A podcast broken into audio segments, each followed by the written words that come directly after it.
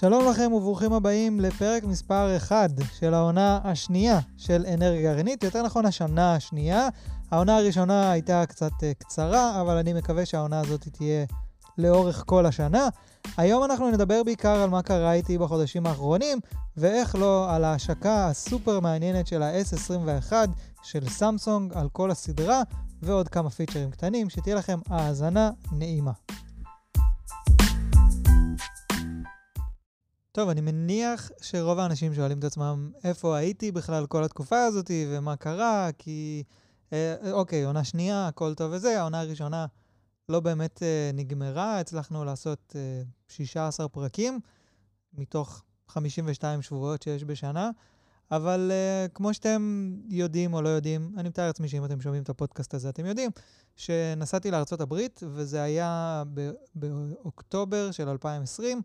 אה, המטרה הייתה לנסוע לארה"ב אה, רק לשבועיים, לעשות את הסרטונים על האייפונים החדשים שיוצאים, אה, ואז הגענו לארה"ב, והיה שם ממש ממש כיף ונחמד, ואמרנו לעצמנו, רגע, מה יש לנו לעשות בארץ? הכל סגור, אשתי לא עובדת בכלל, כי כל העבודה שלה התבטלה בגלל הקוביד, ואני, רוב, רוב הציוד שלי היה איתי שם. אמרתי, טוב, בוא נישאר פה עוד קצת, נחמד פה, ונעשה סרטונים מכאן.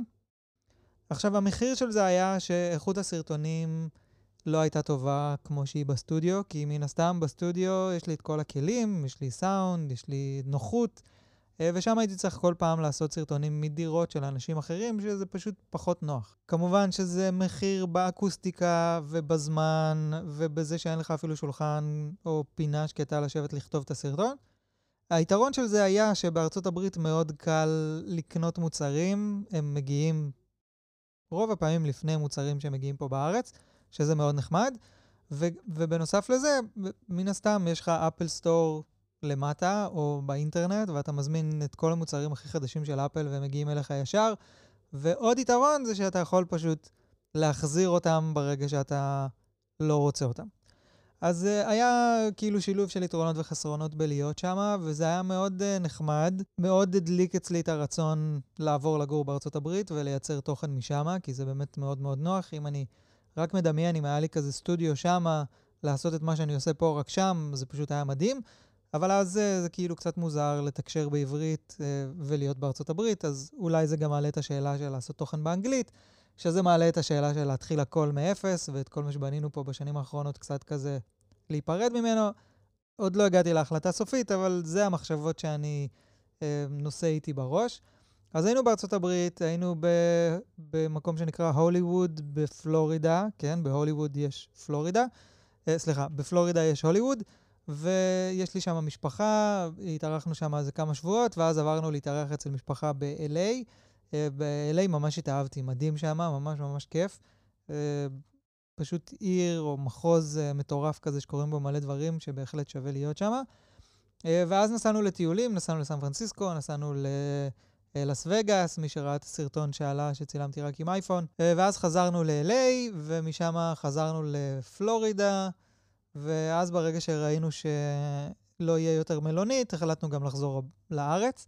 חזרנו לארץ, עשינו בדיקת uh, קורונה ראשונה, יצאנו שליליים, uh, היינו בבידוד עשרה ימים, עשינו עוד בדיקה, יצאנו שליליים עוד פעם, אז חזרתי מכל המסע הזה בלי קורונה, שזה מאוד מרגש.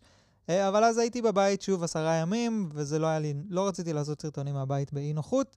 מה שבטח כולכם רוצים לדעת זה מה קורה עם הסרטונים, אני בטוח. הם, הם יחזרו בקרוב, אני עכשיו כזה מתחיל, סיימתי עם הבידוד ועם הג'טלג, ועכשיו אני נכנס חזרה לסטודיו ומתרגל לדברים, ואני, הנה, פודקאסט כבר קורה.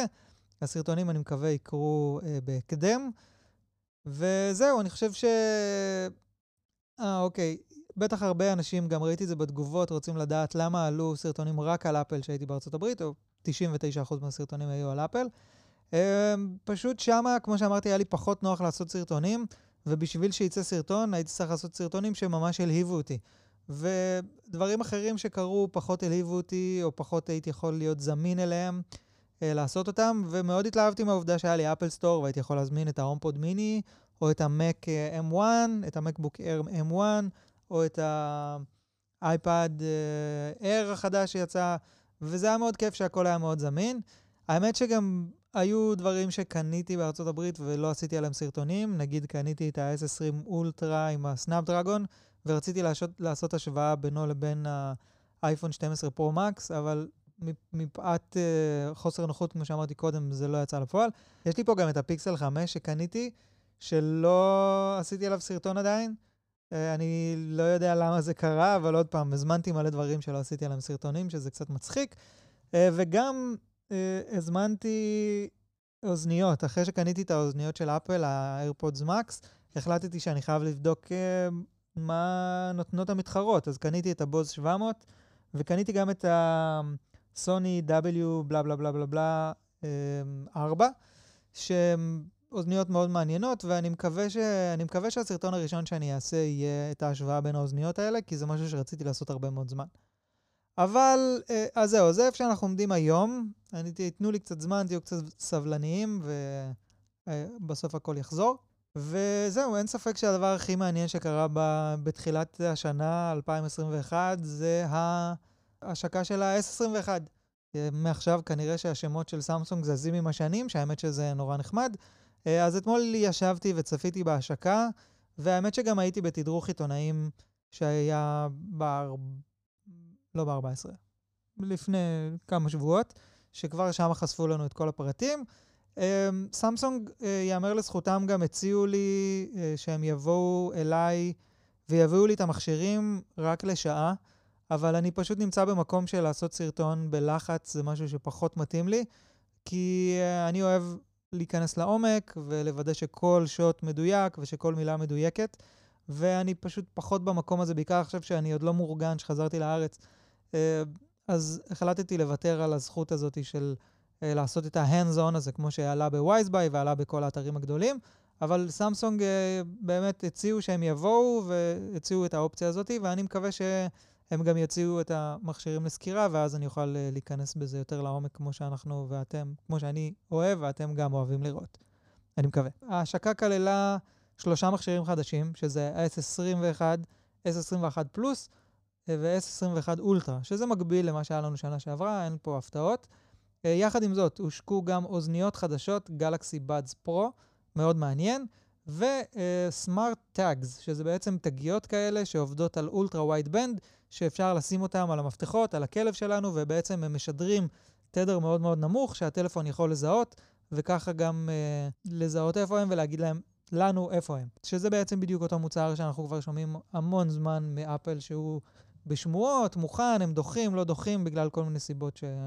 לא ניכנס, להם, לא ניכנס אליהם כרגע, אבל uh, אני חושב שסך הכל סמסונג, זה מדהים לראות כמה הם מושפעים מאפל מצד אחד, מצד שני כמה הם כאילו לא מחכים, לא מבזבזים זמן, הם פשוט יורים את המוצרים שהם רוצים להוציא בלי יותר מדי אה, דרמות. אפשר להגיד שזה מצחיק שאפל אה, היו שמועות שהם מוציאים את זה, ואז סמסונג מיד אחר כך מוציאים את זה.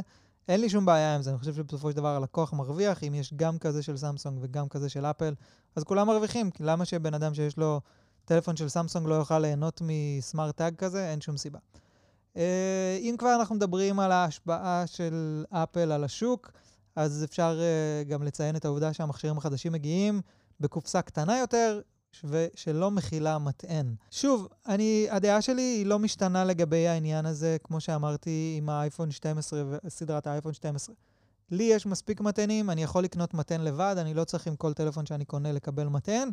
עם זאת, כשאתה קונה מכשיר במעל 3,000 שקל או יותר, אני חושב שזה פשוט מרגיש אה, מוזר לא לקבל מטען, ואתה משקיע כל כך הרבה כסף, אתה רוצה לקבל את כל מה שאתה צריך. אבל אבל בסדר, אין מה לעשות. אפל יש לה כוח עצום והיא משפיעה על כל השוק.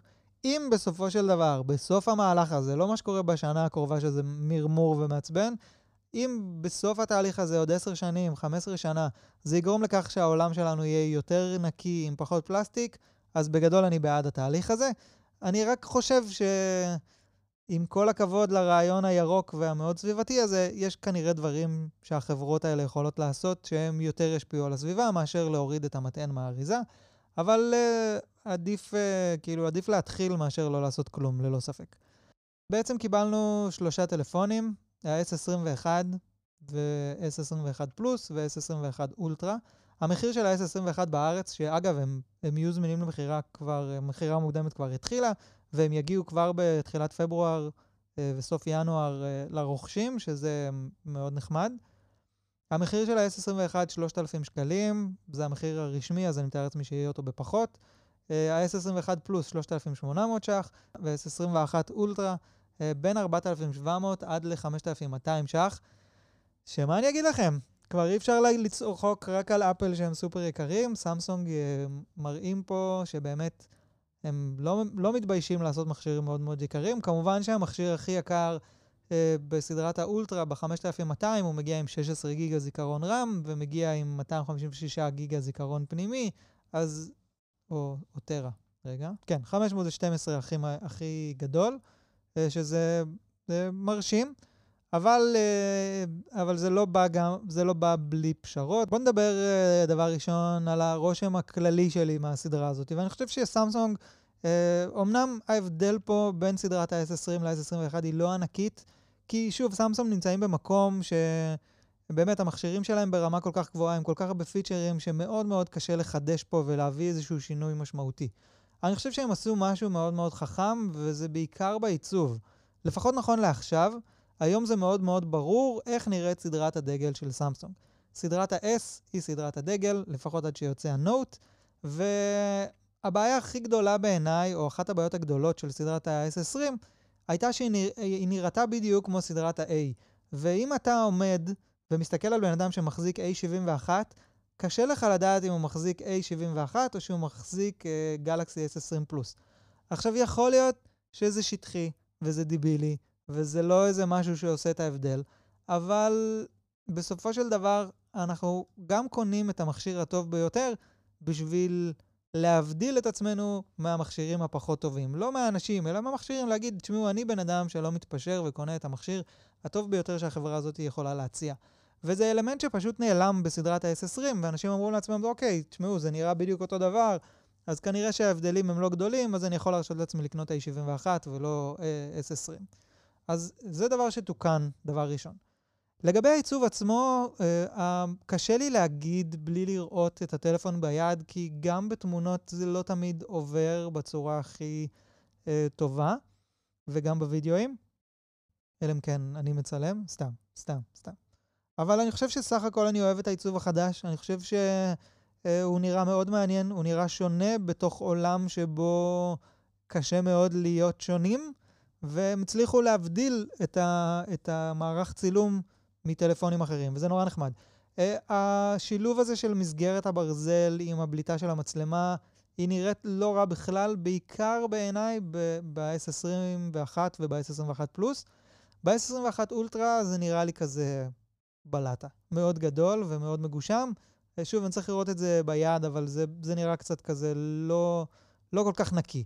ב-S21 ו-21 פלוס העיצוב הוא טיפה יותר נקי, למרות שהפלאש שם כזה נראה קצת לא קשור, אבל זה עדיין, אה, זה עדיין נראה לא רע. וגם ה-S21 וגם ה-S21 פלוס מגיעים עם מסך שטוח לגמרי, שאני חושב שזה מעולה. לצערנו ה-S21 אולטרה מגיע עם מסך שהוא מעט מקומר. אמ, אבל מה שכן קורה כאן, שהוא מאוד מאוד חשוב, עוד יתרון uh, ברושם הראשוני, הוא שמאוד ברור מה ההבדל בין ה-S21 וה-S21 פלוס לבין ה-S21 אולטרה. שנה שעברה זה לא היה ברור. שנה שעברה uh, ל-S21 אולטרה הוא היה טיפה יותר גדול והיה לו, לו מערך צילום חדש שלא ידענו מה זה אומר, אבל לא באמת הבנו ולא באמת היה ברור למה צריך את דגם האולטרה, ו... שהוא עכשיו הטלפון היותר טוב, וה-S21 פלוס היה, סליחה, וה-S20 פלוס היה נראה מספיק טוב בהחלט. השנה, אה, ללא ספק, יש פער בין האולטרה לבין ה-S21 וה-21 פלוס. סמסונג דאגו להבדיל ביניהם, שאני חושב שזה טוב. כי היום אנשים יודעים שאם הם רוצים את הסמסונג הטוב ביותר, זה ה-S21 אולטרה, ואין בכלל אה, סימן שאלה האם פלוס, האם לא, האם פחות. עכשיו, זה כן אה, נהיה יותר קשה לבחור, כי אתה כן צריך להגיד לעצמך, רגע, האם אני צריך את מה שהאולטרה מציע, או האם מה שהפלוס מציע הוא מספיק טוב, אבל לפחות הצרכן יודע, זה הכי טוב, זה השני הכי טוב, זה השלישי הכי טוב, ובתוך העולם הזה אני אבחר מה שמתאים לי. אה, שאני חושב שזה מאוד מאוד חשוב, כי בסופו של דבר, סמסונג זורקים עלינו הרבה מאוד טלפונים במשך השנה, ואנחנו צריכים לדעת מה זה מה, בשביל שנוכל לבחור את הבחירה שמתאימה לנו. אז um, הפערים שיש בין ה-S21 ל-S21 אולטרה ל-S21 פלוס הם ככה. נתחיל מה-S21 הרגיל, הוא מגיע, כמו שאמרנו, עם מסך שטוח, יש לו גודל מסך של 6.2 אינץ', והגב שלו עשוי מפלסטיק. ו... או כמו שסמסונג קוראים לזה גלסטיק או פוליקרבונט, לא משנה. זה משהו ש... אמ, לא מפתיע. בסמסונג הוציאו את הנוט 20 הרגיל, שנה שעברה, עם גב פלסטיק, ועכשיו הגרסה הזולה ביותר של ה-S21 מגיעה גם עם גב פלסטיק. בגדול, ב- ביחס למחיר, זה לא נורא, אם אתה יכול באמת להשיג אותו ב-2,800 ש"ח לפי מה ששמעתי, זה לא נורא, זה פשרה מתקבלת uh, בדגם הזול ביותר.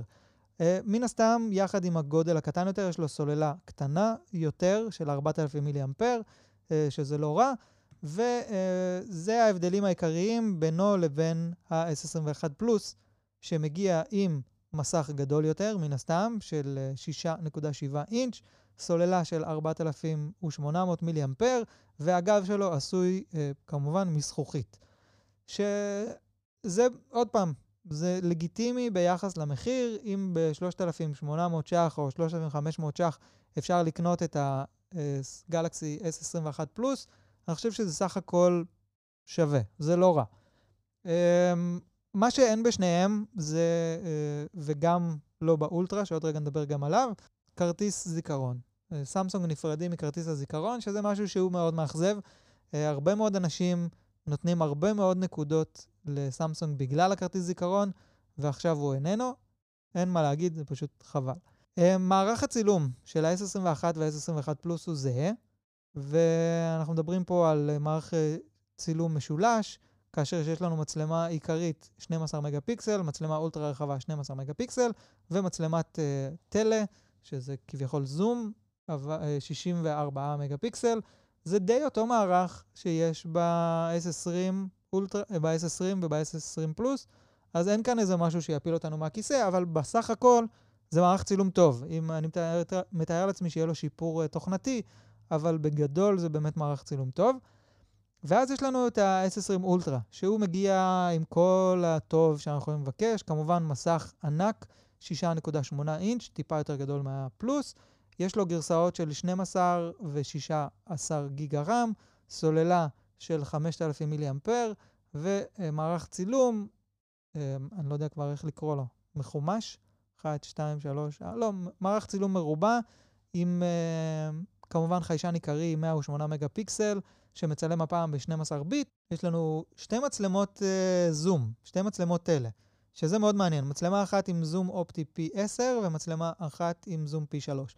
שאני חושב שזה סך הכל לא רע, כי באיזשהו מקום שאתה מצלם, שאני זוכר מה-S20 אולטרה ומהנוט 20 אולטרה שבדקתי, הקפיצה הזאת לפי 10 זום אה, מבטלת את הפי 3 זום, שהוא לא פחות חשוב. אז, אז באמת הוורסטיליות פה עולה רמה, כי הזום פי 3, אם היית רוצה אותו, הוא היה צריך להיות דיגיטלי, ופה יש לנו מצלמה ייעודית לזה. עכשיו, על הנייר זה נשמע מאוד מאוד מגניב, לרוב המצלמות האלה בפועל לא מספיק טובות. אני מקווה שפה סמסונג לא יתפשרו והן באמת יהיו מספיק טובות. אז ההבדל כמובן בין הדגמים מאוד ברור, אה, אבל יש גם דברים שהם זהים בכולם, וזה אולי מביא אותי לנקודה שאני חושב שזה המבחן האמיתי של סמסונג בהשקה הזאת. זה הדבר שהכי הפריע לי בהשקה הקודמת. יצאתי ודיברתי על זה, וכולם אומרים לי שאני מתלונן על סמסונג סתם סתם סתם, אני חושב שזה משהו שהוא מאוד קריטי, וזה אה, המעבד. השנה, כמו בכל שנה, וזה לא, כנראה לא יפסיק בזמן הקרוב, אה, המכשירים של סמסונג מגיעים עם שני מעבדים. המכשירים שנמכרים בארצות הברית, אה, או הגרסה האמריקאית, מגיעים עם מעבד של סנאפדרגון, ה-888, כמו הריבה, או כמו ההימורים, והגרסה שמגיעה במקומות אחרים בעולם, היא מגיעה עם מעבד האקסינוס של סמסונג. אז דיברתי על זה המון, ה Exynos 990 משנה שעברה נחל אכזבה מאוד מאוד גדולה. אה, גם בחיי הסוללה, גם בביצועים, גם בצילום אה, וגם במבחן הסינתטי של הגיק בנצ'ים למיניהם, אה, פשוט נתן תוצאות פחות טובות מדגם ה Snapdragon.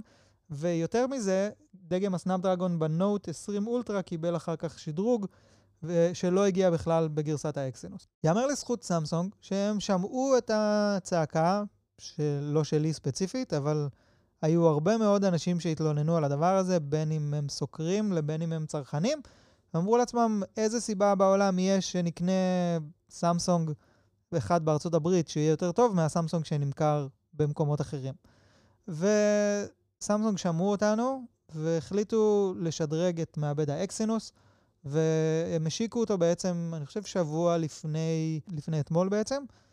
ומה שהם שיפרו בעצם זה, כמובן, אקסינוס נקרא אקסינוס 2100 או 2100, הוא כמובן מעבד בטכנולוגיה של 5 ננומטר, הוא תומך ב-5G, יש לו שיפורים של 33% לריבוי ליבות ו-19% לליבה בודדת. אה, ביצועים טובים יותר של GPU, של גרפיקה, ב-46%, 20% טוב יותר בצריכת אנרגיה, אה, יש לו יכולת לעבוד עם 6 מצלמות ורזולוציה של 200 מגה פיקסל, הוא יכול להגיע עד ל-144 אה, הרץ בקצב רענון של המסך, ויש לו תמיכה ב-HDR10+, שזה היה גם בקודם, וצילום ב-4K, אפילו ראיתי במקום מסוים 4K ב-120 פריים בשנייה ו-8K, ויש לו LPDDR5. כל זה נשמע טוב מאוד. סמסונג גם אומרים שהם שינו את טכנולוגיית הייצור והם לקחו, אה, עברו לת... לארכיטקטורה של ARM, שזה כבר אמור, אה, לפחות אני מקווה, להשתוות לסנאפ דרגון, שגם הוא עובד בטכנולוגיה של ARM. אה, ומפה לשם, קשה להגיד עכשיו, לפני שאנחנו רואים את המכשירים, לפני שהם הגיעו באמת לאנשים, לפני שאנחנו רואים את חיי הסוללה ולפני שאנחנו רואים את הביצועים הסינתטיים ואת, ואת כל השאר, קשה להגיד האם זה באמת שינוי. אבל פה, פה המבחן האמיתי של הסדרה הזאת. אם ה Exynos באמת יצליח לתת fight ל Snapdragon, זה, זה מה שיעשה את ההבדל. גם אם הפער יהיה מאוד מאוד קטן לטובת ה Snapdragon, זה יהיה בסדר. אבל זה לא יכול להיות הפער הגדול שהיה עד עכשיו. עכשיו, הפער שצריך לצמצם הוא גדול. מי שראה ה Mi 11 של אה, שיומי כבר אה, הגיע לכל מיני סוקרים בארצות הברית, אני ראיתי ש Linus עשה עליו פתיחת קופסה ועשה benchmark, והתוצאות מאוד מרשימות. אה, בהחלט שיפור מאוד גדול אפילו מה Snapdragon הקודם. וזהו, אני באמת מקווה בשביל סמסונג, כי אני, אני לא... אתם יודעים, אנשים חושבים, קוראים לי אפליסט, חושבים שאני לא אוהב את המוצרים של סמסונג. זה לא נכון, אני מאוד אוהב מוצרים של סמסונג. אני בוחר להיות ב ecosystem של אפל בגלל ה ecosystem, לא ספציפית בגלל שאני חושב שאייפון הוא יותר טוב מגלקסי. אני תמיד, כמעט תמיד יש לי איזשהו מכשיר גלקסי בסביבתי, עד עכשיו היה לי את ה Note 20 אולטרה, אה, ובקרוב יהיה לי, אני מתאר לעצמי, את ה-S21 אולטרה, ואני מאוד אוהב את המכשירים האלה. אין, אין לי, כאילו, יש לי הרבה ביקורת, ויש לי גם ביקורת על מכשירים אחרים, אבל אני מאוד אוהב את המכשירים האלה, אני חושב שזה מכשירים מעולים, ואני לא רוצה להיות במקום הזה שהדגם שנמכר פה בארץ הוא פחות טוב מהדגם שנמכר בארצות הברית. זה לא כיף לי. אני חושב שאנשים שקונים סמסונג בארץ צריכים לקבל את, המ... את הטוב ביותר. הם משקיעים הרבה מאוד כסף באזור בין 3,000 ל-5,000 שקל על מכשיר, ואני חושב שמגיע להם לקבל את הטוב ביותר. ונכון, את המעבד קשה לראות, וזה הבדל שהוא הבדל קטן אה, בשביל אנשים שרק בודקים מיילים ומסתכלים באינסטגרם. אבל יש קהילה מאוד גדולה של אנשים שרוצים לדעת שהמכשיר שלהם יכול לעשות את הביצועים הטובים ביותר, ומשתמשים בו למשימות uh, יותר רציניות. אז, אז כאן נעמד מבחינתי המבחן האמיתי של האקסינוס ושל סמסונג, ואני מאוד מקווה בשבילם שבאמת הם הצליחו לצמצם את הפער הזה, כי, כי זה יהיה נחמד שלא צריך להתעסק בזה יותר. זה יהיה נחמד uh, לדעת שפשוט יש כאן מכשיר uh, מספיק טוב, ואני מתאר לעצמי שאני שומע את זה בהרבה מקומות, שסמסונג מאוד מאוד רוצים אה, פשוט להגיע למצב שהם מוכרים אקסינוס בכל מקום, ולא צריכים להתעסק בכלל עם קוואלקום, זה משהו שקשור לפטנטים שיש לקוואלקום בארצות הברית, אה, וסמסונג יכולים לבחור או פשוט לשלם להם רויאלטיז, אה, או פשוט לקנות מהם את המעבדים, אז אני מתאר לעצמי שהם מעדיפים לקנות מהם את המעבדים. אם אני לא טועה, יש שם איזו עסקה כזאת להרבה מאוד שנים. ברגע שהעסקה הזאת תיעלם, אז... Uh, תיגמר, אז אני מתאר לעצמי שסמסונג יעדיפו, ואני בטוח שהם מעדיפים כל הזמן לשים את המעבדים שלהם, שעולים להם פחות כסף, כי הם מייצרים אותם, והם יכולים למכור את זה לעצמם, בוא נגיד, במחיר זול יותר. אוקיי, דיברנו על המעבד, בואו נדבר על המצלמה של ה-S21 אולטרה. Um, זה בעצם הדור השלישי של חיישן ה-108 מגה פיקסל. הדור הראשון, כמו שאמרנו, היה ב-S20 אולטרה, הדור השני היה ב-Note 20 אולטרה, ועכשיו אנחנו מקבלים את הדור השלישי. מה שקורה כאן זה שוב אותו, פחות או יותר אותו חיישן 108 מגה פיקסל, משופר, יש לו את היכולת לצלם ב-12 ביט. זה אומר שהוא פשוט לוקח הרבה יותר אינפורמציה, גם ככה הוא לוקח יותר אינפורמציה, פה הוא לוקח עוד יותר אינפורמציה ונותן קבצים גדולים יותר ויש לו יותר אינפורמציה לפענח. מה שבעיקר מעניין אותי, זה כמובן שהדוגמאות של סמסונג הן לא אובייקטיביות כל כך בהשקה, אז לבדוק את זה יהיה מאוד מעניין כמובן ביום-יום. והעניין הזה פה נופל תמיד על תוכנה. אם יש להם תוכנה מספיק טובה, הם יוציאו תמונות טובות. עכשיו, אני, כמו שאמרתי, בארצות הברית קניתי את ה-Note 20 אולטרה עם הסנאפ-דרגון, וצילמתי איתו המון, ואני חייב להגיד שהתוצאות היו מרשימות ביותר. עדיין, סמסונג, זה עדיין עובד באותה גישה. הגישה של סמסונג אומרת, אני לא יודע מי במצלמה מחליט את הדבר הזה, אבל כש, כשיש לנו צילום, יש לנו כמה פרמטרים שאנחנו צריכים לאזן ביניהם. הפרמטר הראשון, מה שהכי משפיע זה התאורה. אנחנו צריכים לשנות את כל הפרמטרים שלנו לפי התאורה שיש לנו. עכשיו, כשאנחנו מדברים על עדשות של טלפונים, הצמצם זה בעצם החור, בהכי פשוט, החור שדרכו נכנס האור לחיישן.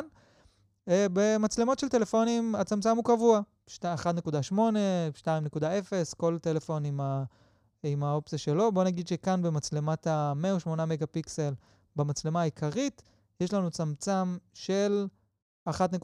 זה אומר שהוא צמצם מאוד מאוד פתוח, נכנס הרבה מאוד אור. מה שאומר שאי אפשר לסגור את הצמצם הזה. אם יש לך יותר מדי אור, אתה לא יכול לסגור את הצמצם, ואז אתה מתעסק עם פרמטרים אחרים. הפרמטר השני הוא נקרא מהירות תריס. לכמה זמן מכניסים את האור לתוך החיישן. זה בחלקי שניות, וכאן יש לך את האופציה, אם יש לך יותר מדי אור, אז אתה פותח את החלון, את התריס, לזמן מאוד מאוד קצר, ואם אין לך מספיק אור, אתה פותח לזמן יותר ארוך. כמובן, אם אתה פותח את התריס לזמן יותר ארוך, אז התמונה יכולה לצאת מטושטשת. כי אם התריס פתוח, היד זזה, משהו קורה, ואז התמונה מטושטשת, ואני לא רוצה להיכנס יותר מדי לעומק של איך צילום עובד, אבל ככה על קצה המזלג. הפרמטר השלישי שאנחנו יכולים לשנות כאן, הוא הרגישות של החיישן לאור, בעצם ה-ISO. וזה מאוד פשוט, יש לנו ISO נמוך, 100, יש לנו ISO גבוה, חצי מיליון, אני לא יודע, אני לא יודע כמה זה בטלפון, מעניין בעצם אם כתוב פה, ובדרך כלל זה מאוד מאוד גבוה. עכשיו, כשאנחנו מעלים את הרגישות של החיישן, מאוד מאוד גבוה, מה שאנחנו מתחילים לקבל זה רעש. מין נקודות כאלה קטנות, כי אתה פשוט, זה כמו לשרוף את הפילים. זה כאילו פילים מאוד מאוד רגיש, אתה מכניס לו, גם אם אתה מכניס לו טיפה אור, הכל נהיה מאוד מאוד רועש.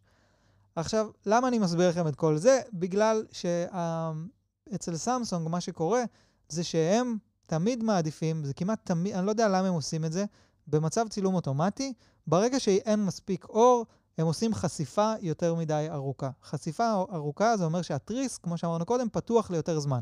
אם התריס פתוח ליותר זמן, אז נכנסנו ליותר אור, אבל התוצאה של זה, שאם הוא פתוח ליותר מדי זמן, זה שהתמונות מטושטשות. Uh, באייפון הגישה היא אחרת. באייפון הם קודם כל מעלים את הרגישות.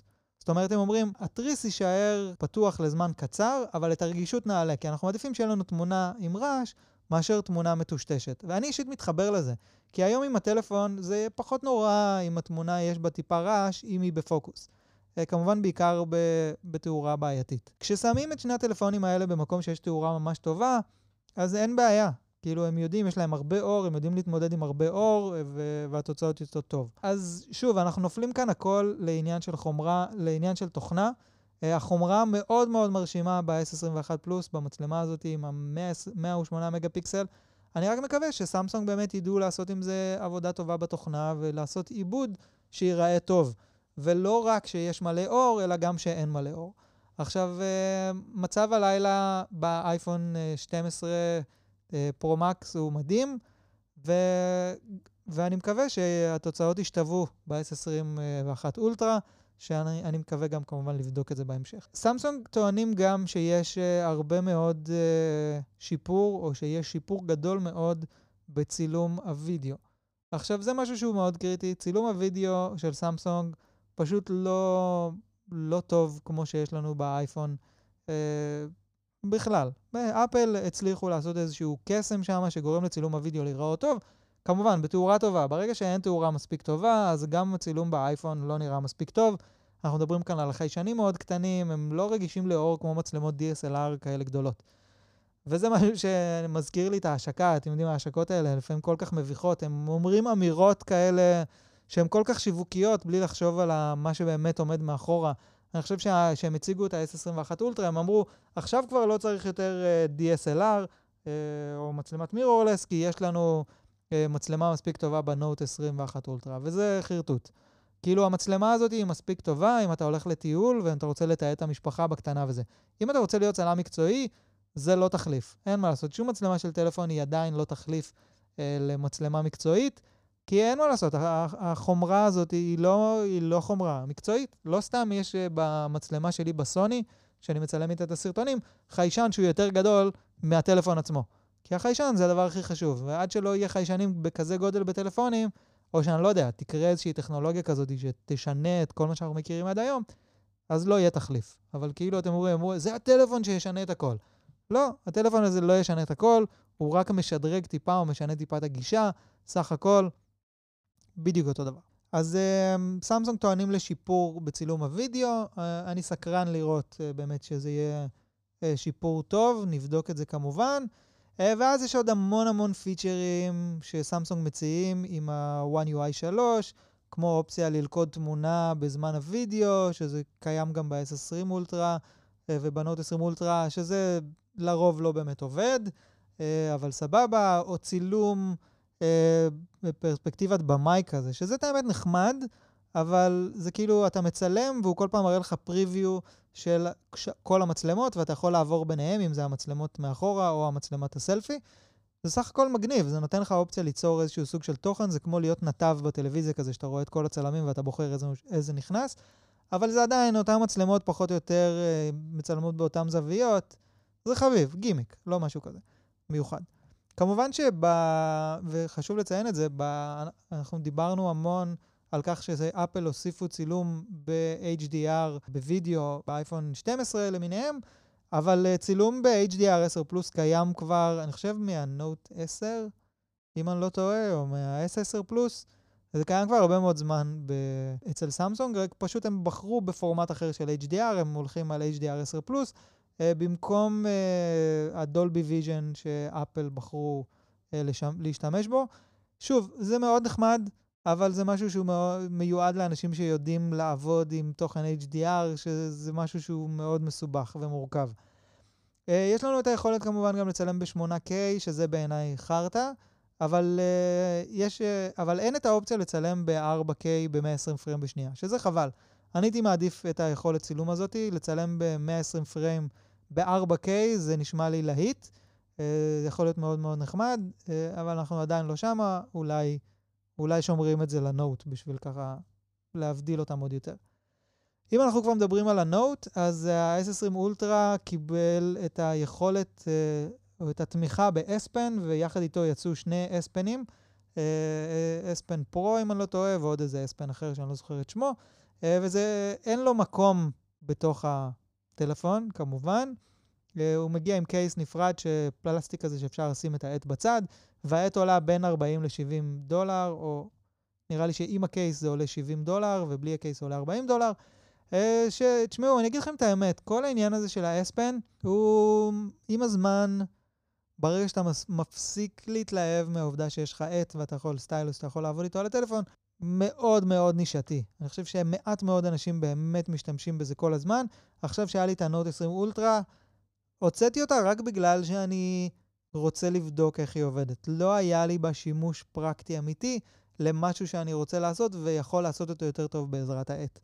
אז uh, אני לא יודע, לא יודע, אבל יש תמיכה בעט. אם זה יעשה לכם את זה, וזה עוד איזשהו פיצ'ר, וסמסונג כאמור, אוהבים מאוד להפגיז עלינו בפיצ'רים. אה, ויש לנו חיישן לייזר לפוקוס uh, במערך הצילום, שלא ציינתי קודם. Uh, זה אחלה, היה את זה גם ב Note 20 אולטרה, זה לא משהו חדש, זה לא כמו חיישן ה LiDAR שאנחנו מכירים uh, אצל אפל, זה פשוט פוקוס בלייזר, זה משהו שקיים במצלמות כבר שנים, uh, זה חשוב מאוד, אבל uh, לא צריך להתרגש. Uh, כאמור, אז כמו שאמרנו, כל המכשירים תומכים ב-5G, שזה סבבה. הארץ שלנו עוד לא תומכת בזה כמו שצריך, אבל לפחות יש לנו את המכשירים האלה לכמה שנים קרובות עד שזה יקרה. Uh, זהו, uh, עוד כמה מילים על הגלקסי בדס פרו. אני חושב שהן סך הכל חביבות ביותר, הן נראות מאוד מעניינות. הם, סמסונג הלכו פה על uh, כמה פיצ'רים שהם מאוד חשובים. דבר ראשון, הם החליטו לעשות סאונד ב-2-way, הם הסבירו את זה לעומק בהשקה, שזה דווקא היה מעניין. Uh, אתה יכול להחליט שיהיה לך אלמנט אחד בתוך האוזנייה, או מה זה יכול להחליט? האוזנייה היא מאוד קטנה, אבל כמה שיש לך יותר אלמנטים, ככה אתה יכול uh, להוציא סאונד יותר מדויק. אז בעצם הגלקסי באדס מגיעות עם uh, שני אלמנטים בפנים, שזה מאוד, uh, מאוד טוב. יש לנו אלמנט אחד לוופר ואלמנט אחד לטוויטר. זה הפרדה פשוט בין האלמנטים שמוצאים את התדרים הגבוהים יותר והנמוכים יותר, uh, שזה נשמע מאוד מעניין. הן מגיעות גם עם uh, ביטול רעשים ואת היכולת uh, בעצם לתת לנו את הסאונד מבחוץ, להיכנס לתוך האוזן בשביל שלא נהיה uh, בבועה משלנו, שזה דבר שאני לא כל כך uh, משתמש בו. Uh, ואולי הכי חשוב, יש להם עמידות במים ואבק, uh, IPX7. Uh, אם אתם זוכרים, דיברנו בעבר על עמידות במים ואיך זה עובד, ואבק. Uh, IP זה התקן, ואז יש לנו שני מספרים. המספר הראשון הוא אומר את העמידות לאבק, והמספר השני אומר את העמידות למים. אז אנחנו מדברים פה X, זה אומר שאין עמידות לאבק, כי מן הסתם הן לא אטומות לאבק, ייכנס, והעמידות במים היא 7, שאם יש לנו בטלפונים זה IP6-8, אז זה דרגה אחת מתחת למה שיש לנו ברוב הטלפונים, אבל עדיין, זה מעולה. מי שמתאמן, אה, רץ, מזיע, כל הדברים האלה, אה, האוזניות אמורות אה, לעמוד ב... בזיעה הזאת ולא להתקלקל, שזה מעולה. שמעתי כבר כל מיני אנשים שהזיעו לתוך האוזניות שלהם ונהרסו, שזה חבל. Uh, עוד פיצ'ר נחמד הוא המעבר החלק בין מכשירים של סמסונג, זה דבר שקיים אצל אפל ועובד בצורה מדהימה. Uh, אני פשוט לא חושב שיש ecosystem מספיק חזק, בטח לא בארץ, למכשירים של סמסונג. Uh, לפטופים של סמסונג לא מיובאים לארץ בשום צורה. מעט מאוד אנשים יש להם טאבלט של סמסונג, והרבה מאוד אנשים יש להם טלפונים של סמסונג. אז הפיצ'ר הזה... הוא מאוד נחמד למי שהוא ממש uh, עמוק בתוך ה ecosystem של, אפ, של סמסונג, ואני לא מכיר הרבה אנשים כאלה, אבל זה טוב שיש, זה נחמד שאם פתאום יש לך טלפון, אז זה עובר לטלפון מהטאבלט וחזרה ולמחשב. אני חייב להגיד שבאפל זה עובד מדהים, כי יש לי גם לפטופ, גם טאבלט, גם אייפון uh, וגם עוד אייפון, והאוזניות עוברות בין כולם, ואני לא צריך לחבר ולנתק כל הזמן, זה סופר נוח. הצבע הסגול של האוזניות לא להיט בעיניי, הכסוף גם לא, והשחור נראה חביב. Uh, אני מקווה שיהיה לי הזדמנות לבדוק אותם. אני חושב שאם בסך הכל הם ייתנו סאונד יותר טוב מה Galaxy Beans, אם הם ייתנו סאונד יותר טוב מה Galaxy Buds Live, זה כבר יהיה מעולה. Uh, וזהו, סך הכל uh, אני חושב שהרבה מאוד אנשים אהבו את ה Galaxy Buds Plus, אני חושב שהם גם די נגמרו מהמלאי בכל מקום מרוב שאנשים קנו אותם. אה, אז שדרוג אה, בהחלט מכובד. לגבי ה-AirTags, ה-AirTags אני קורא לזה, לגבי ה-SmartTags, אין לי יותר מדי מה להגיד על זה כרגע. אני צריך לנסות את זה ולראות איך זה עובד. בגדול זה נשמע לי מאוד נחמד שיש את הפיצ'ר הזה. אה, אוקיי, זה פחות או יותר מה שאני חושב על ההשקה. האירוע עצמו, אני חושב שהיה מאוד מתיש. כיאה לאירועים כאלה, ושוב, אתם יכולים לקרוא לי אפליסט או משהו כזה, אפל יודעים איך לעשות את האירועים האלה כמו שצריך, וזה פשוט מדהים. אה, ופה, אתם יודעים, איך אתה יכול להתחיל אירוע ולהגיד הטלפון שהולך לשנות הכל, וזה לא הולך לשנות שום דבר. וזה כאילו, באמת, חבר'ה, אנחנו, אנחנו חיים בעולם הזה של האירועים האלה כבר הרבה מאוד שנים, אפשר להיות קצת יותר דוגרי ופחות, אה, אה, לא יודע מה, שיווקיים כאלה ברמה ש... שאין גבול לכמה שאתה יכול להיעדר את עצמך ולהדיר את המוצר שלך בלי פשוט להגיד לנו מהו. בעיקר גם שהכל דלף, אתם יודעים, כאילו, הגענו לרמה שהיה לנו תמונות של המכשירים עצמם לפני שהאירוע מתחיל, וידענו עליהם הכל. ההפתעות פה היו מאוד מאוד מצומצמות. אוקיי, אבל uh, סך הכל אני חושב uh, שזה יהיה מעניין לראות את הסדרה הזאת בפועל. קשה לי להגיד האם היא תעשה את התיקון. אה, מסדרת ה-S20 שלא הלכה כל כך טוב. אה, וזהו, אתם יודעים, סמסונג בעיקר ממשיכה לירוק עלינו טלפונים בקצב מטורף. קצת קשה לעמוד בקצב ולהבין uh, באמת מתי אנחנו צריכים כל טלפון uh, ואיזה סדרה אנחנו צריכים לקנות. Uh, וכן, אל תשכחו שמעבר לפינה, סביר להניח, uh, סדרת הביניים של סמסונג גם תצא באיזשהו שלב, ויהיה לנו עוד איזה כמה מכשירים שיהיו uh, יכול להיות לא, לא רעים בכלל, ובמחירים כמובן הרבה יותר טובים.